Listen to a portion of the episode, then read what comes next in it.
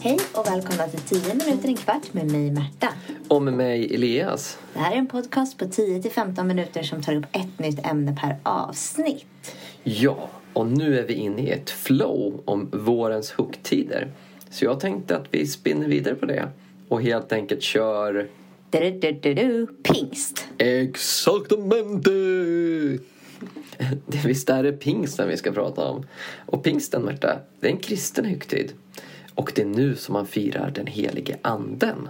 Och syftet med den här högtiden, alltså då pingst, eh, för de som är troende kristna, det är att påminnas om att den helige ande finns runt och inom oss hela tiden.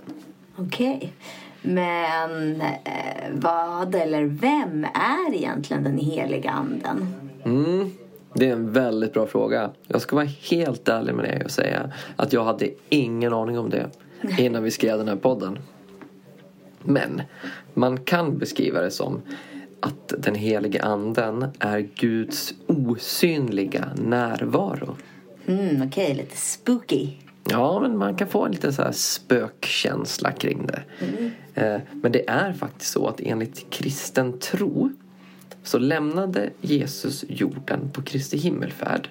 Och i och med detta så berättade han, alltså Jesus, för sina lärjungar att de, trots den här färden då, att han lämnade jorden, inte var övergivna.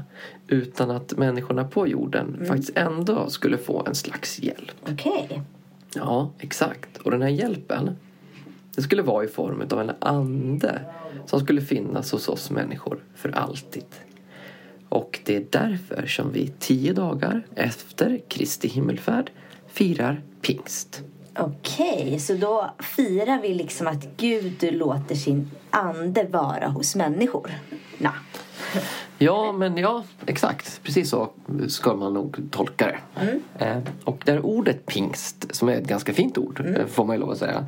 Eh, det är liksom, påminner ju om påsk på något sätt. Så man tänker lite på påskliljor, pingstliljor. Ja, de hör ihop. Eller pingis, men det kanske inte alls hör hit. Eh, Men det är liknande ord. Det, det är väldigt kul med pingst. Ja.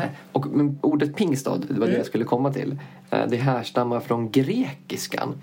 Och det kommer från det grekiska ordet eh, och nu får ni verkligen liksom ha lite reservation för mitt grekiska uttal här. Men pentekoste. eh, Som betyder den femtionde.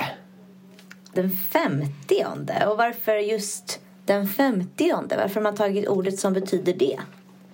Jo, jättebra fråga. Det handlar faktiskt om när pingsten infaller.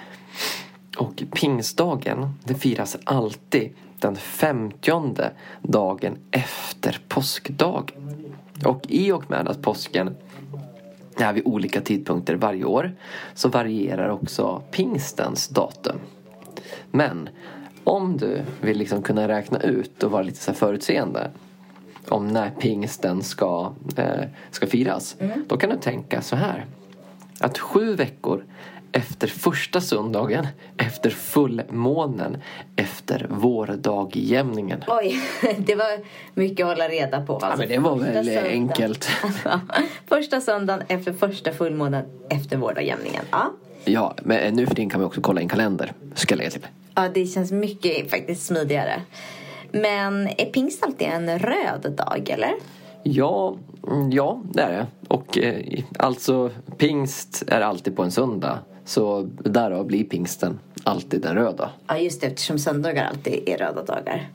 Men om jag återgår lite till det här med Jesus och lärjungarna och pingsten så sa ju du att Jesus sa att det skulle finnas en ande som skulle hjälpa dem och andra människor på jorden. Eh, kunde de prata med den här anden, eller? Har du, Märta, hört talas om uttrycket att tala i tungor? Eller tungomålstalande? Ja, men det känner jag igen. Det sades nämligen att lärjungarna plötsligt kunde börja tala med nya ord som anden gav dem. Och det kallas tungomålstalande. Ah.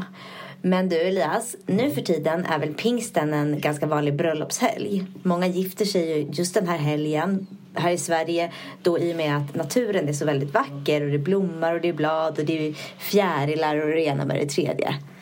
Ehm, så att nu, nu har ju pingsten fått den högtidsstämpeln också. Bröllopshögtidsstämpeln. Ja, det är ju jättekul. För pingst det är ju ofta liksom i mitten av maj. Och då brukar det kunna vara superfint väder. Eh, och förr så var ju faktiskt också pingst eh, helgdag. Även om det inte inföll på en, på en söndag. Utan vi var lediga på pingsthelgen. Och det kunde komma en klämdag och så. Men det har man tagit bort nu. Men det tror jag vi kan återkomma till sen i lärarhandledningen. Och där tror jag faktiskt att vi sätter stopp för idag. Okej. Och vi som har gjort den här podcasten heter Elias. Och Märta? Ja, det här är en podcast som är gjord i samarbete med vikarielärare. Till den här podcasten finns det material som ni kan använda innan, under och efter. Ni hittar det på vår hemsida www.vikarielärare.se och podden hittar ni också där. Och materialet hittar ni i Kunskapsbanken på vår hemsida. Lösenord dit är vikarielärare med litet v. Ni hittar också podden i våra sociala mediekanaler. Vi finns på Facebook som vikarielärare.